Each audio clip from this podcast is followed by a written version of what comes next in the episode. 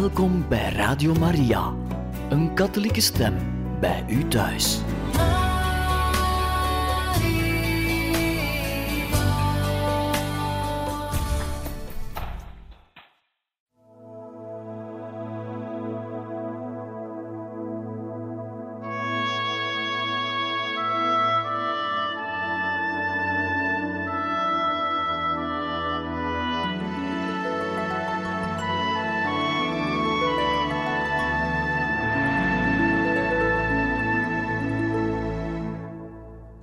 Beste luisteraars van Radio Maria, hartelijk welkom in dit programma Heilige Getuigen, waar wij verder gaan met de lezing van het boek Hij had de moed om te spreken, een bisschop onder nazi-terreur, de zalige Clemens August, kardinaal von Galen, bisschop van Münster. Geschreven door uw waarde heer Edward Janssens. We waren gekomen bij hoofdstuk 2 Bisschop Graaf von Galen, man van zijn tijd. Bij het onderwerp 3, het nazisme. We wensen u een deugddoende lezing toe. In het Duitsland van de jaren 1920-1930 heerste er, zoals gezegd, grote chaos. Het oprukkende nazisme, met geweldplegingen en een heuse propagandamachine, sloeg bij velen aan. Maar Hitler haalde niet zomaar zijn slag thuis. Bij de verkiezingen van 1932, de laatste wat hem betrof, haalde zijn partij 43% van de stemmen. Geen algemene meerderheid en ver van de gehoopte tweederde meerderheid die nodig is om als dictator te kunnen heersen. De bisschoppen waren niet blij met de opkomst van het nazisme. Zij verboden aanvankelijk de katholieken om erop te stemmen. Hitler van zijn kant deed veel beloftes om de katholieken ter wille te zijn. Hij beloofde vrijheid van cultus, van onderwijs, van verenigingen en als enige prijs vroeg hij dat de klerus zich moest onthouden van elke politieke inmenging, binnen en buiten de kerken. In dit opzicht moeten we de onderhandelingen bekijken van de nieuwe regering met het Vaticaan. Die zouden leiden tot een nieuw concordaat dat op 20 juli 1933 in Rome werd gesloten. De bisschoppen veranderden nu van koers. Zij zagen in dit concordaat voldoende garanties en vooral een wettelijke basis om het functioneren van de kerk te verzekeren. Ook de kersverse bisschop van Münster, graaf von Galen, deelde aanvankelijk deze mening. Hij had evenwel nooit veel opgehad met het nationaalsocialisme, omdat het uiteindelijk ging om een heidense beweging. Er lag geen God of opperwezen aan de basis van deze nieuwe beweging, zoals het Vaticaan het zou noemen. In de beginjaren van het bisschopsambt van Von Galen was er echter veel verwarring. Bij zijn wijding tot bisschop op 28 oktober 1933 vormden nazitroepen een echte erehaag met vlaggen en wimpels in en buiten de doom van Münster.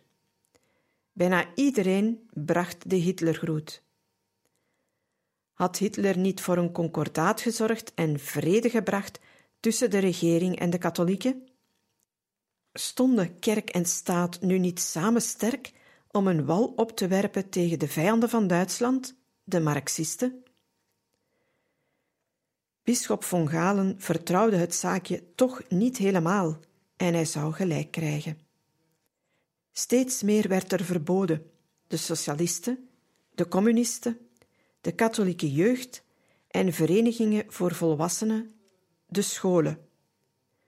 De nazistaat nam voortaan in alles het voortouw om zijn heidense ideologie op te leggen aan de gehele bevolking. Tegen wil en dank, want bisschop von Galen beschouwde zich allereerst een gelovig man. Hij raakte steeds meer betrokken in het politieke spel tegen de nationaalsocialisten. Het ging hem om de rechten van de kerk, om de rechten van de katholieke verenigingen en scholen. Van kindsbeen af was hem een grote zin voor rechtvaardigheid ingeprent. En dat kwam nu in deze complexe tijd sterk onder druk te staan.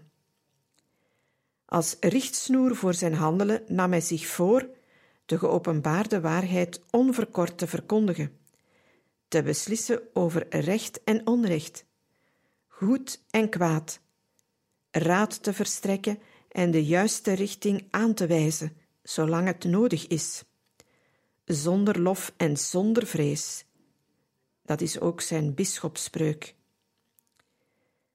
De dictatuur van Hitler was nu een feit in 1933 en zeer snel bleek Hitler de belofte te vergeten die hij aan de katholieke kerk had gedaan. Bisschop von Galen ging in het verzet en leefde heel sterk mee met de zorgen en angsten van zijn diocesanen.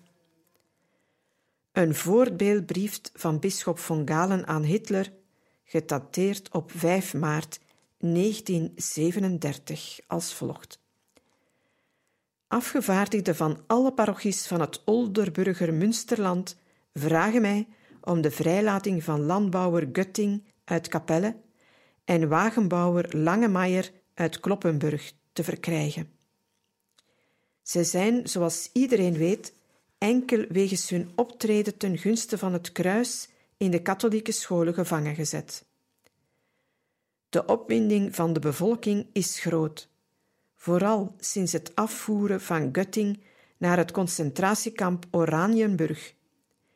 Ik smeek u om hun vrijlating of tenminste om een eerlijk proces voor de bevoegde rechtbank. Ze zijn, zoals iedereen weet, enkel wegens hun optreden ten gunste van het kruis in de katholieke scholen gevangen gezet. De opwinding van de bevolking is groot, vooral sinds het afvoeren van Gutting naar het concentratiekamp Oranienburg. Ik smeek u om hun vrijlating, of tenminste om een eerlijk proces voor de bevoegde rechtbank. Onderwerp 4 Bisschop van Galen en de Jodenvervolging. Het onderwerp Jodenvervolging moeten we met enige voorzichtigheid benaderen. Het is nog steeds zeer omstreden. Denk maar aan de nog altijd actuele problematiek rond Paus Pius XII en zijn houding tegenover de Jodenvervolging. Voorzichtig moeten we vooral zijn, omdat er over dit onderwerp bijna geen geschreven bronnen bestaan, enkel mondelinge verklaringen. Als we met een kritische blik kijken naar de omgang van bisschop Graaf van Galen met de Joden, dan komt hij er maar bekaaid vanaf. Een uitspraak in die zin spreekt boekdelen. Von Galen heeft over alles gesproken, behalve over de Joden. Dit is natuurlijk maar ten dele waar. Bij vele katholieken in Duitsland, hun bisschoppen en vele andere leiders in West-Europa was er een dubbelzinnige houding.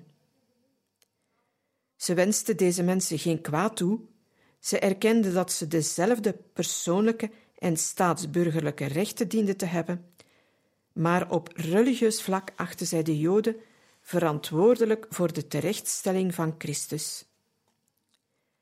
In de liturgie van Goede Vrijdag werd overal ter wereld tijdens de grote voorbeden stevast gebeden voor de ontrouwe Joden, een vertaling van het Latijnse pro perfidis Judeis.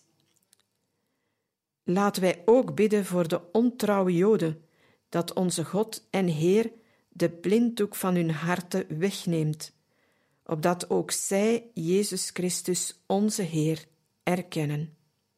Dit komt uit de plechtige voorbeden van de Goede Vrijdagliturgie. We zijn nog veraf van de verklaring Nostra Aetate van het Tweede Vaticaans Concilie, dat plaats had van 1962 tot 1965, waar de Joden zullen worden aangesproken als de oudere broers in het geloof. Bisschop Clemens August von Galen heeft ongetwijfeld het latente antisemitisme van zijn tijd in zich opgenomen. In het katholieke zelfverstaan van een ultramontaans georiënteerd gezin was men uiteraard bekend met het niet bevragen van de waarheid. Extra ecclesia nulla salus. Buiten de kerk is er geen heil mogelijk.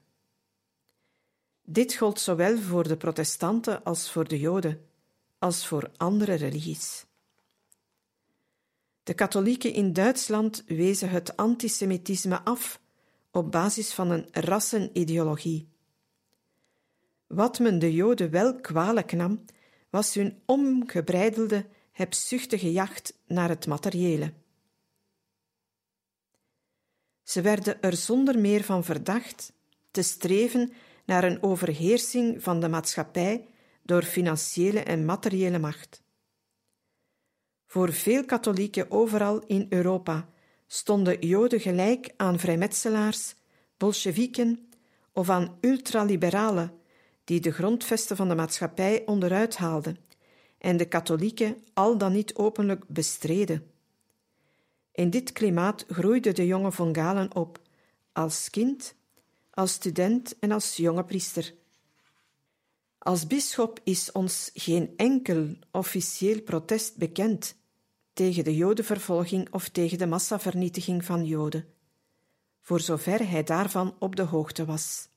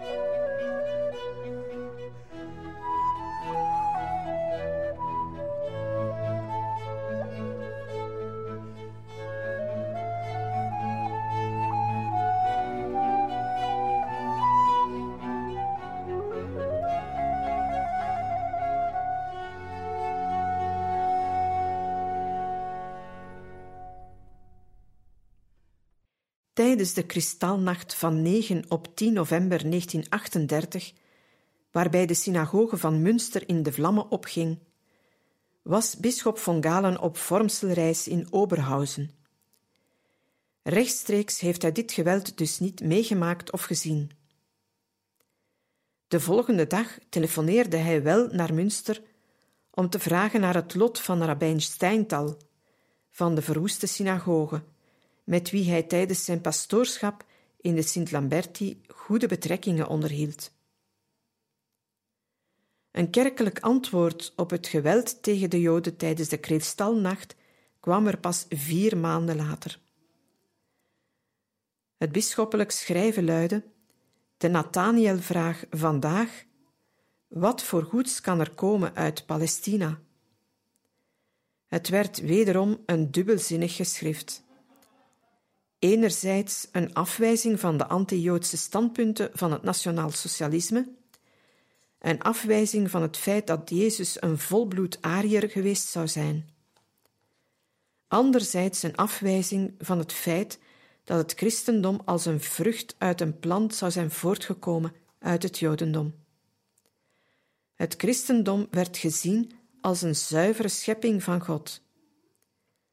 Het schrijven kwam wel op voor de gelijkheid van alle mensen, ongeacht hun ras. De mens is door God geschapen en door Hem bemind, en daarom zijn ze alle gelijk, ongeacht hun ras of aard. Verschillende getuigen merken echter op dat bisschop van Galen het betreurde niet duidelijker te hebben gesproken in verband met het Jodenvraagstuk. Gevraagd naar het lot van een priester die gevangen zat in Dachau, kreeg de bisschop de tranen in de ogen toen hij antwoordde: Mag ik je wat toevertrouwen? Als ik wat zeg of doe, maak ik het alleen maar erger. Wellicht dacht hij aan represailles tegenover zijn klerus, die telkens zwaar betaalde voor de minste steun die zij openlijk aan hun bisschop en zijn uitspraken of brieven betuigden. Vanuit de Joodse gemeenschap in Duitsland kwamen er wel vragen om hulp, vragen ook om een duidelijke stellingname. Bisschop von Galen had nu immers de reputatie een anti-nazi te zijn. Als voorbeeld het volgende schrijven. Hoogeerwaarde, u zult vast en zeker weten dat sinds 19 september elke Jood die op straat komt, verplicht is een Jodenteken te dragen. Men is uitgeleverd aan het gepeupel. Iedereen mag ons bespuwen, zonder dat men zich kan of mag verweren. Niemand mag ons te hulp komen. U heeft wellicht ook gehoord van het wegvoeren van de Joden uit Stettin. In Baden en Breslau is men eveneens daarmee begonnen. Is er ergens iemand die helpt? Alleen de diepe hoop dat er ergens toch een helper zal opstaan, drijft mij deze brief te schrijven. God zegene u. Commentaar van de schrijver. Anonieme brief, geciteerd door Löffler, Bischof Clemens August Graaf von Galen, Akten, Brieven und Predigten, Teil 2 van 1939 tot 1946. Ferdinand Schöning, Paderborn, München, Wien, Zurich en Münster, 1994. Het staat vast dat bisschop von Galen nog in 1933, nog in 1938, nog in 1944 of in de jaren daarna openlijk stelling heeft genomen tegen de Jodenvervolging. Waarom niet? Was het angst omwille van de mogelijke reactie tegen de katholieken? Angst voor een mogelijke kerkvervolging? Het is niet duidelijk. Het zou nog duren tot in het heilige jaar 2000, toen paus Johannes Paulus II openlijk schuld zou bekennen voor de vele fouten van de kerk in het verleden en openlijk verklaarde dat de katholieke kerk en vele van haar leden in hun omgang met de Joden gedurende de tijd van het nationaal socialisme een grote schuld op zich heeft geladen. Onderwerp 5 Bisschop Graaf von Galen in de Tweede Wereldoorlog. Een patriot. Als stellig uit een oud-adellijk geslacht was oorlog voor bisschop von Galen allerminst een vreemd begrip. Talrijke voorouders van hem hadden gevochten en gestreden voor het vaderland, of waren gevallen op het veld van eer. In zijn eigen herinnering en die van zijn naaste familieleden lagen zowel het Duits-Oostenrijkse conflict van 1866, de Frans-Duitse oorlog van 1870-1871 en de Grote Oorlog van 1914-1918 nog betrekkelijk vers in het geheugen. De Tweede Wereldoorlog kwam natuurlijk ook niet zomaar uit de lucht gevallen. We zijn het gewend om er naar te kijken vanuit het oogpunt van de geallieerden en veel minder vanuit het oogpunt van de Duitse bevolking. Dat zorgt voor enig verschil. Wat de voorbereiding op de Tweede Wereldoorlog betreft, was er eerst de Anschluss geweest van Oostenrijk bij het grote Duitse Rijk. Daarna kwam de inval in Tsjechoslowakije. Er was het erg bloedige conflict geweest in Spanje, de grote burgeroorlog van 1936 tot 1938, waarbij de ene partij materiële steun, financiële steun en mankracht uit Moskou ontving en zich schuldig maakte aan gruwelijke vergrijpen, onder meer op de katholieke kerk. Meer dan 8000 priesters en kloosterlingen zouden meestal zonder proces vaak op straat worden afgemaakt. De andere partij met generaal Franco, gesteund door Nazi-Duitsland, kende evenmin genade voor zijn tegenstanders, die zij op even gruwelijke manier afmaakten. De propagandamachine van Nazi-Duitsland werkte goed, in die zin dat zij de conflicten uit de voorbije jaren in haar voordeel wist om te buigen. Het waren de Polen die de Duitse bevolking voortdurend lastig vielen. Dus was de inval op 1 september 1939 in Polen eigenlijk uitgelokt door de Polen zelf. De echte bedoeling van Hitler, een algemene oorlog, kwam niet ter sprake. Toen Engeland en Frankrijk na de Duitse inval in Polen op 3 september 1939 Duitsland de oorlog verklaarden, was dat in de ogen van de meeste Duitsers een daad van agressie, die hun het recht gaf daarop te antwoorden. Dat antwoord kwam er op 10 mei 1940 met de Blitzkrieg, waarbij België en grote delen van Frankrijk in zes weken tijd onder de voet werden gelopen. Voor vele, zo niet alle Duitsers, kwam daarmee een einde aan het schandelijke verdrag van Versailles uit 1919, waarbij alleen Duitsland de schuld had gekregen van de Eerste Wereldoorlog. Daarbij was besloten tot herstelbetalingen, financiële compensaties en de bezetting van Duitse gebieden enzovoort. Dat was allemaal zeer onrechtvaardig overgekomen bij de Duitse bevolking. In hun ogen was er nu door de blitzkrieg veel goed gemaakt. De schande van Versailles was eindelijk weggenomen. Bisschop Graaf von Galen was een patriot in hart en nieren. Geen enkel deel van zijn lichaam was niet vaderlandslievend. Ook hij had de nazi-propaganda geslikt en hij ging vooral mee in de jubel om de oorlog aan het oostelijk front. Vooral het vervolgen van de oorlog naar het oosten, naar Rusland, naar de Bolsjewieken en de communisten, de echte vijanden van Duitsland en van de kerk, kon rekenen op zijn sympathie. Op 12 maart 1942 bedankte von Galen in het pastorale schrijven in het kerkelijk blad van het bisdom Münster de soldaten die als een nieuwe kruistocht met de roep God wil het, Deus lo vult, het bolsjevisme hadden neergeslagen. Het leidt geen twijfel dat bisschop von Galen hier dacht aan het aloude concept van de rechtvaardige oorlog, zeker tegenover het goddeloze communisme of tegen de pest van het bolsjevisme.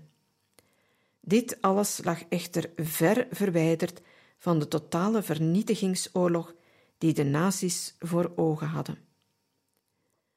Dat op dit vlak bisschop von Galen meespeelde met het regime, zinde de nazi's wel. Zij gebruikten dan ook sommige van zijn uitspraken voor hun propaganda. In Nederland bijvoorbeeld stonden bij de grenspalen foto's van de bisschop van Münster met enkele uitspraken uit zijn preek tegen het bolsjevisme. De tekst luidde: Als je straks deel gaat uitmaken van de Nederlandse SS en zijn strijd tegen het bolsjevisme, dan handel je volledig in lijn met de bisschop van Münster. Tot zelfs in Parijs waren afbeeldingen van von Galen te zien met zijn uitspraken tegen het communisme zo vertelt zijn privésecretaris Dr. Heinrich Portman in zijn dagboeken. Andermaal zien we hoe ingewikkeld de situatie in Duitsland was en hoe complex het was voor een vaderlandslievende bisschop als von Galen. Als het katholieke geloof werd aangevallen, dan kon je van hem een scherpe reactie verwachten. Maar als het vaderland werd aangevallen, dan was de reactie zeker niet minder. Katholiek geloof, ja. Vaderland, ja. Maar niet de haat- en rassentheorie van de nazi's. Dat was heidens. Dus zo is ons een preek van hem bekend van 7 juli 1943, waar hij na een reeks van bombardementen op de burgerbevolking spreekt over de mogelijke wraak door het Duitse regime. Hij zegt: Wraak is niet christelijk, ze is derhalve onduits, omdat ze onedel is, onwaardig en onridderlijk. Alleen met het vooruitzicht om wraak te nemen, niet strijdende mensen willen beschadigen, niet militaire doeleinden vernietigen, dat spreekt tegen het christelijke denken. Dat is niet ridderlijk. Dat zijn primitieve wraakgevoelens die onze soldaten onwaardig zijn. Van onze soldaten verwachten wij dat zij als christenen en volwassen mannen hun strijd ridderlijk voeren, alleen om hun geboortegrond te verdedigen en de vrede te bewerkstelligen, maar niet geleid door wraak en vergelding. Bisschop von Galen geeft hier zeker een stukje van zijn persoonlijkheid bloot. De ridderlijke edelman die zonder twijfel geen weet heeft van moderne oorlogsvoering, maar diep doordrongen is van het ridderlijke ideaal en van soldaten en officieren moed en dapperheid verwacht. Zoals de Eerste Wereldoorlog, zo eindigde ook de Tweede voor Duitsland in een catastrofe, die mogelijk nog groter was. Voor bischof von Galen bloedde wederom het zo geliefde vaderland. Hoofdstuk 3 Een keerpunt. De drie lange preken. Onderwerp 1 De context. Subonderwerp 1.1 De algemene context.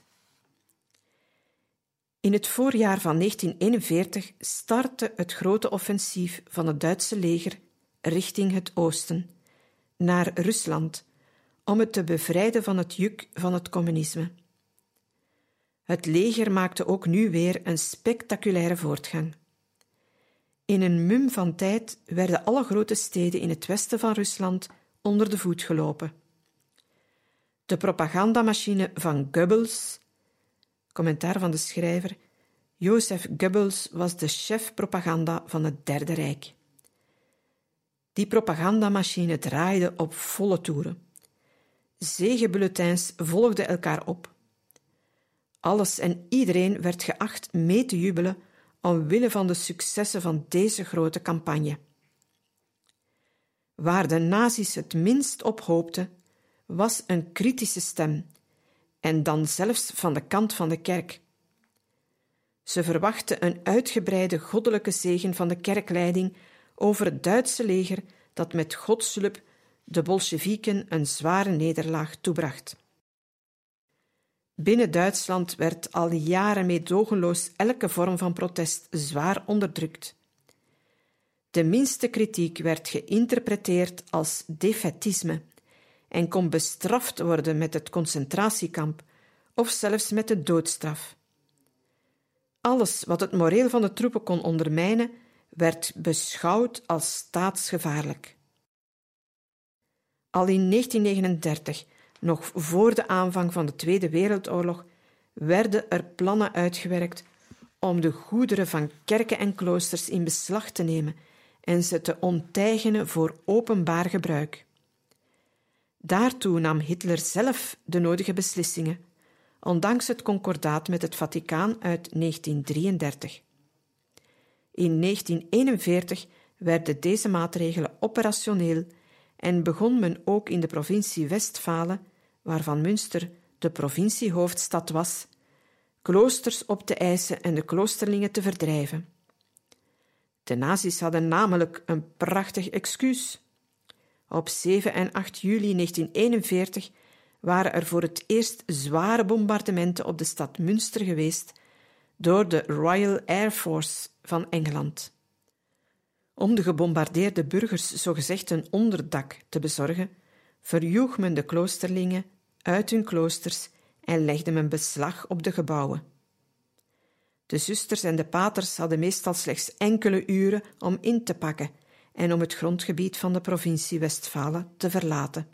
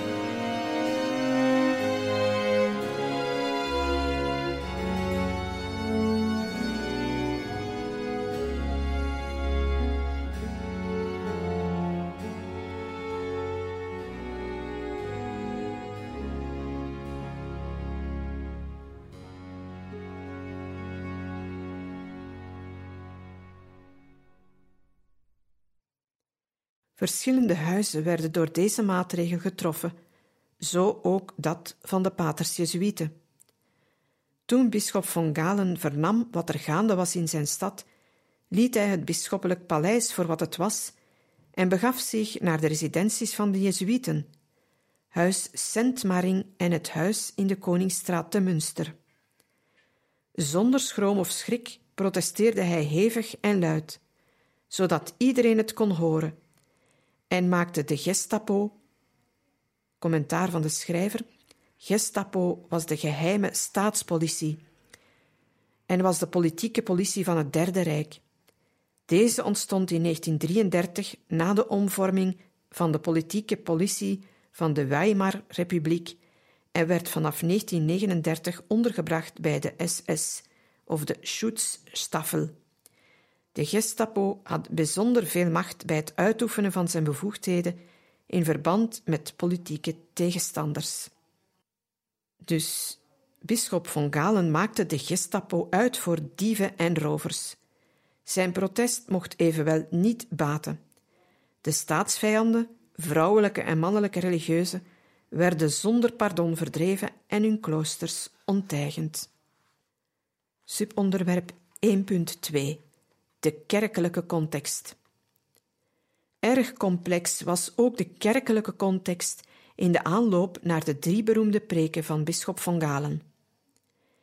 In de bisschoppenconferentie van Fulda, waarvan het bisdom Münster deel uitmaakte, met kardinaal Bertram uit Breslau, nu Wrocław in Polen, als voorzitter, heerste er geen eensgezindheid.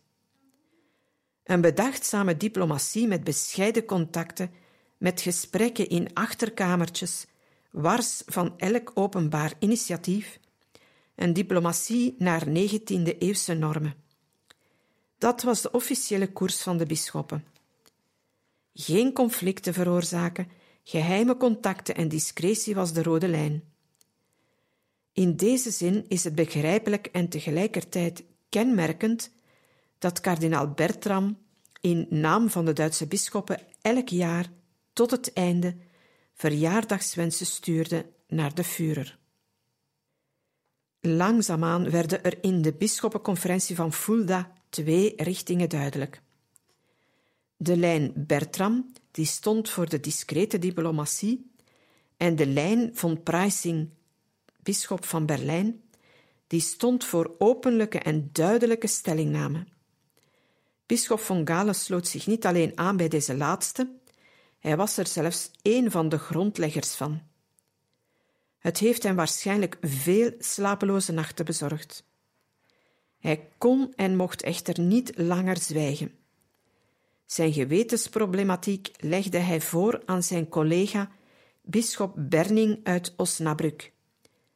Commentaar van de schrijver Herman Wilhelm Bernim, die leefde van 1877 tot 1955, was bisschop van Osnabrück tussen 1914 en 1955. Hij schreef: Altijd weer heb ik mijn geweten gesust met de volgende redenering.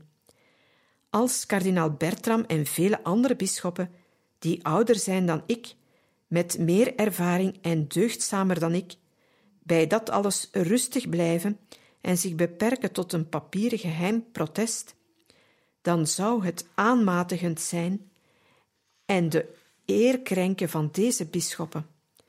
Misschien zou het zelfs verkeerd zijn als ik me door een vlucht in de openbaarheid opdring en wellicht nog meer en brutaler maatregelen tegen de kerk zou uitlokken. Maar ik kan mijn geweten met zulke argumenten ex autoritate niet langer meer het zwijgen opleggen. Commentaar van de schrijver Peter Löffler, Bischof Clemens August Graaf von Galen, Akten, Brieven und Predigten, Teil 2, 1939 tot 1946, Ferdinand Schöning, Paderborn, München, Wien, Zurich en Münster, 1994, pagina 1462. Tot die overtuiging was von Galen gekomen in het voorjaar van 1941. Hij kon niet langer zwijgen en akkoord gaan met de diplomatieke weg die vele van zijn collega-bisschoppen wilden gaan. Hoe zou hij vorm geven aan die vlucht in de openbaarheid? Een herderlijk schrijven? Het werden uiteindelijk preken, in alle openbaarheid uitgesproken, vanaf een preekstoel, voor een massa mensen die zittend en staand ademloos luisterden en ondertussen instemmende geluiden maakten. Er is veel gespeculeerd over het feit of bisschop von Galen deze drie preken zelf heeft geschreven. Sommigen geven als auteur van de preken Kanunik Donders aan, die predikant was in de Doom van Münster. Het is niet uitgesloten dat von Galen materiaal van Donders heeft gebruikt. In dit verband is het goed zijn privésecretaris Portman zelf aan het woord te laten. Het was zaterdag 12 juli. Bij het avondeten bleek dat de bisschop al zijn besluit had genomen om een protestpreek te houden in de Sint-Lamberti, omdat de doom door de bombardementen onbruikbaar was geworden. Ik zal deze zwoele zomeravond nooit vergeten. Er dreigde onweer. De knecht van de bisschop en ikzelf klommen nog op het dak van het bisschopshuis om enkele luiken te verzekeren die door luchtverplaatsingen vanwege de bombardementen waren beschadigd. Tot diep in de nacht zat de bisschop aan zijn bureau en schreef. Alle deuren en vensters stonden open, zo zwoel was het. Het was een vreemde nacht en een vreemde zondagochtend. In de stad waren bijna geen mensen. Toen wij even voor elf uur het bisschopshuis verlieten, zei de bisschop: Kom, laten we gaan. Er hing een olijfbergstemming in de lucht. Nadat we het hek van het bisschoppelijk paleis achter ons gesloten hadden, zei von Galen: Als men mij na mijn preek arresteert, wat zeer waarschijnlijk is, wil dan zo goed zijn mij wat kledij en wasgoed te brengen in de gevangenis aan de syndicaatplaats. Zoals ik later vernam, had hij tijdens de voorbije nacht zijn leven afgerond. Hij was er zich ten volle van bewust dat het nationaal socialisme zo'n openbare aanklacht niet zou dulden. Over hen die in de gevangenissen van de Gestapo werden vastgehouden, had hij s'avonds gezegd: Ik ben mij daarvan bewust. Dat kan mij vandaag of op een andere dag ook overkomen. Omdat ik dan niet meer openlijk zal kunnen spreken, doe ik het nu. Commentaar van de schrijver Portman, der Bischof von Münster, Münster Aschendorf, 1946, bladzijde 72. Beste luisteraars, we beëindigen hier voor vandaag deze lezing uit het boek Hij had de moed om te spreken over de zalige Clemens August kardinaal von Galen en gaan volgende keer verder met hoofdstuk 3, een keerpunt, de drie lange preken, bij onderwerp 2, de preek van 13 juli 1941 in de Sint-Lamberti. Wij hopen dat u veel hebt genoten van deze lezing. We wensen u nog een gezegende avond toe en tot een volgende keer.